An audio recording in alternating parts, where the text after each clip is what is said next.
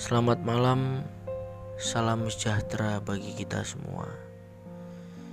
Di sini saya adalah salah satu bagian dari jurnal hororku yang bermaksud menjadikan ini sebagai ruang untuk diskusi dalam cerita horor apa pun di kehidupan diri sendiri. Semoga kalian bisa senang mendengarkan podcast ini dan bisa menjadikan kita semua sebagai pembelajaran agar bisa menjadi lebih baik lagi. Terima kasih.